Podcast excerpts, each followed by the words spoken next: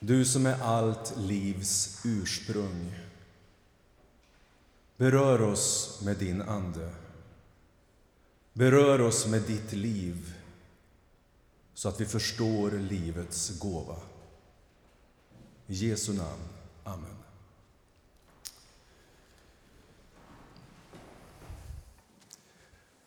Livet, en ovärderlig gåva. Bara den som har levt kan förstå det. Livet, en ovärderlig gåva. Och jag tror de flesta människor på jorden kan stämma in. Vi har i salmen Var dag är en sällsam gåva, en skimrande möjlighet. Att vakna på morgonen och oavsett vad man tänker och hur man än mår, tänka den tanken gör livet ljusare. Var dag är en sällsam gåva, en skimrande möjlighet. Timbuktu skriver i låten Alla vill till himlen, men ingen vill dö. Det är tanken att livet är så stort. Visst vill man ha evighet, men man vill inte dö. Roy och Roger, det är gött att leva när de sitter där och metar i båten.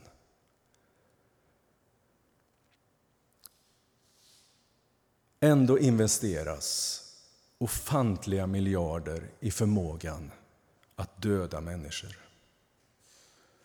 Om samma belopp hade satsats på att utrota fattigdom och sjukdomar hade det direkta dödandet minskat radikalt och betydligt färre människor hade behövt dö i undernäring och sjukdomar.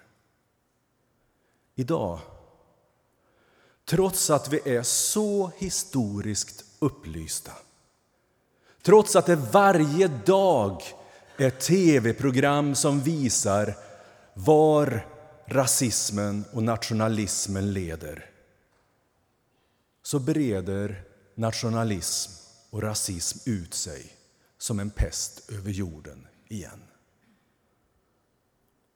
Den starke ledaren är återigen den som inte bryr sig om rättvisa och tolerans.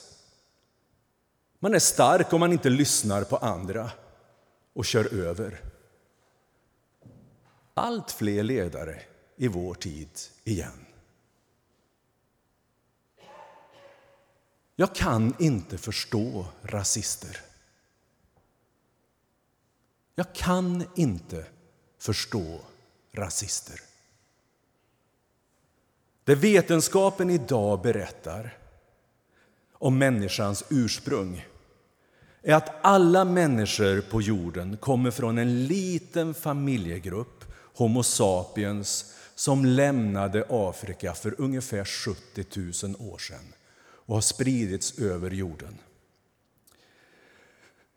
Jag såg ett program för några dagar sedan eh, med en kinesisk eh, eh, vetenskapsman som berättade att han var uppvuxen med en teori att just kineser inte kom ifrån denna afrikanska grupp utan att man kommer ifrån Cro-Magnon, en speciell grupp för att man hade sett på skallar att det påminde väldigt mycket om den asiatiska kinesiska befolkningsgruppen.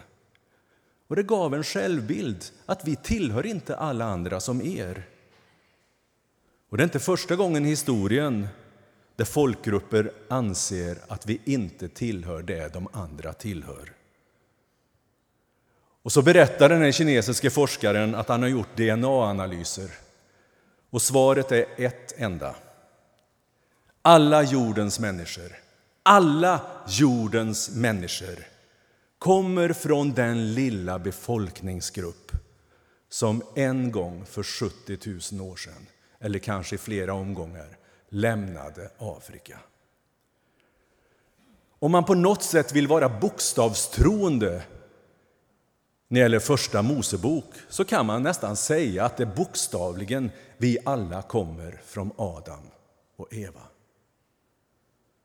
För alla har vi samma ursprung. Och myterna om rasernas förädling visar sig lika fel. Det enda som skiljer oss människor på jorden är kulturella skillnader. Och de kan vi diskutera om. Men vi är alla avlägsna kusiner, oavsett hur vi än ser ut. Du och jag är släkt med alla människor på jorden. Du och jag är släkt. Vi är Adam och Evas barn. Vi är drygt sju miljarder människor på jorden idag.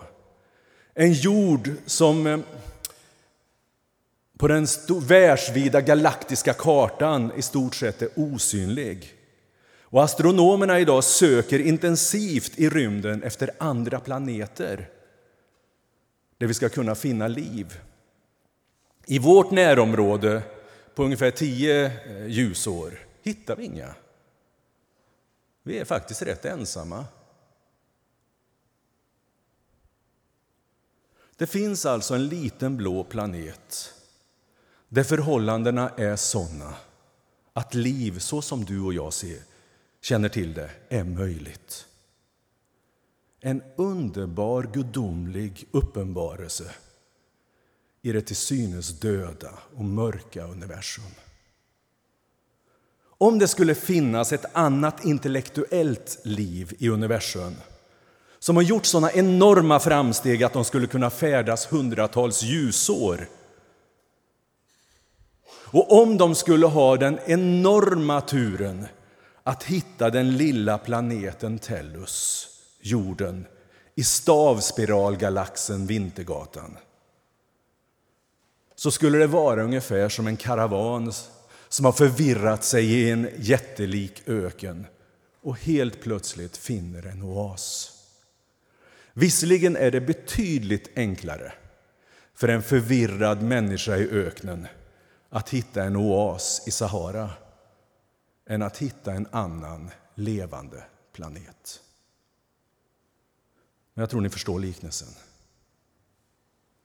De resande, om de nu skulle finnas, skulle se en liten blå planet där det fanns vatten att dricka, syre att andas.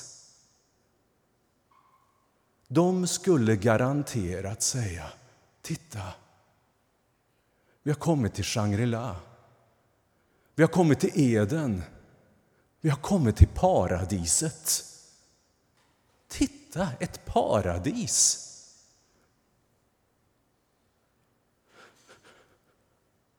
Så söker de upp dem som bor i detta paradis. Och de måste tänka, det här måste vara de lyckligaste av alla varelser i hela kosmos. Tänk att kunna ha allt det här, och det bara finns. Och så kryper de närmare. Och så ser de hur vi bygger murar. Dödar oliktänkande och hur girighet och intolerans dominerar allt fler. Här bor ni i den vackraste oas i universum. Så gör ni allt för att utplåna varandra och er själva. Vad sysslar ni med? I den bilden blir Jesus den som kommer utifrån och ser på våra liv och frågar Vad gör ni? Vad gör ni? Ni har fått livets gåva. Den vackraste gåvan född i kärlek. Och jag kan inte låta bli att tänka, vad gör vi? Vad gör vi? Jesus säger Älska din nästa som dig själv. Och istället för att göra det så frågar vi, vem är då vår nästa? Den som har min kultur, mitt språk, mitt land, min hudfärg. Vi som beter oss på ett visst sätt. Nej, säger Jesus. Som om den som kommer utifrån säger, ser ni inte att ni alla är syskon? Och så berättar han liknelsen om den barmhärtige samarien. Alla är vår nästa. Alla! Alla! Om mitt barn skulle tvingas att tigga på gatan, vad skulle jag göra då? Nu är det min kusin.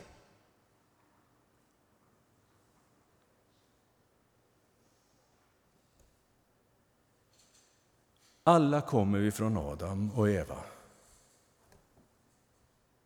För 70 000 år sedan, säger forskarna, vandrade en liten familjegrupp ut från Afrika.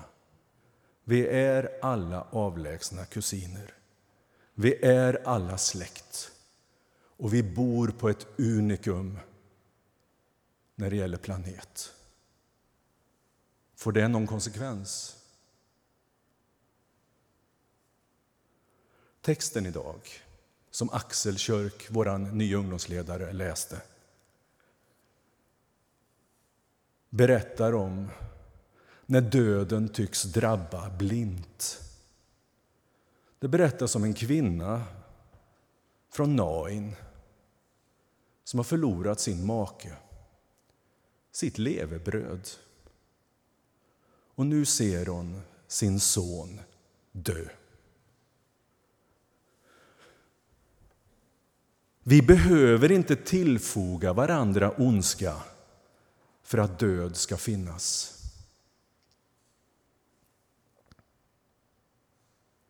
Döden är en del av vårt liv, det vet vi.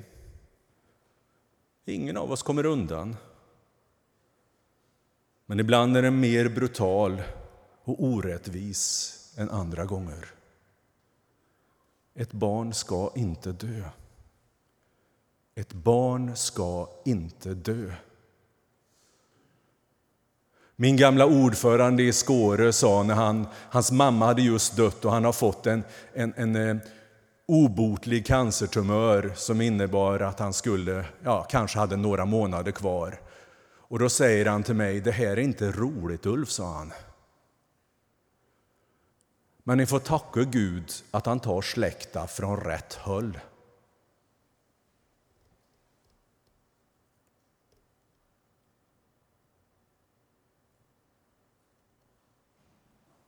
Det finns knappast något värre för någon, och inte för mig som pastor, än att försöka säga något vid ett barns kista. Vad ska man säga? Bibeln säger gråt med dem som gråter, så jag gråter. Man försöker taffligt säga något, men man kan ju bara gråta. Och då säger texten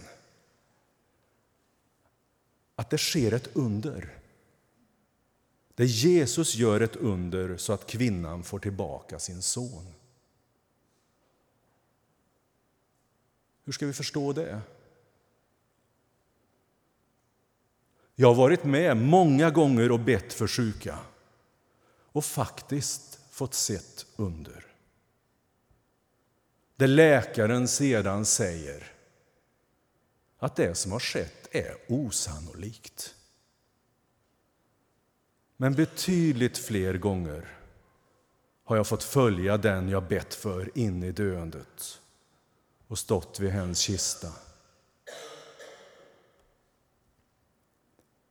Kanske kan man tolka berättelsen om änkans son i Nain som en bild av oceanen i öknen, eller oceanen, oasen, oasen i öknen eller kanske hellre en bild av utomjordingen som efter en lång färd genom oändligt mörker finner en blå planet. Det är en bild av hopp. att det aldrig är ute med någon enda en av oss, vad som än händer. För om jag dör, dör jag också i Herrens hand. Jag kan överlämna mig i den evige Gudens händer, den Gud som är kärlek och omsluter och innesluter hela universum och som bär mig in i livet, döden och evigheten. Till den Gud där döden är övervunnen och allt blir levande.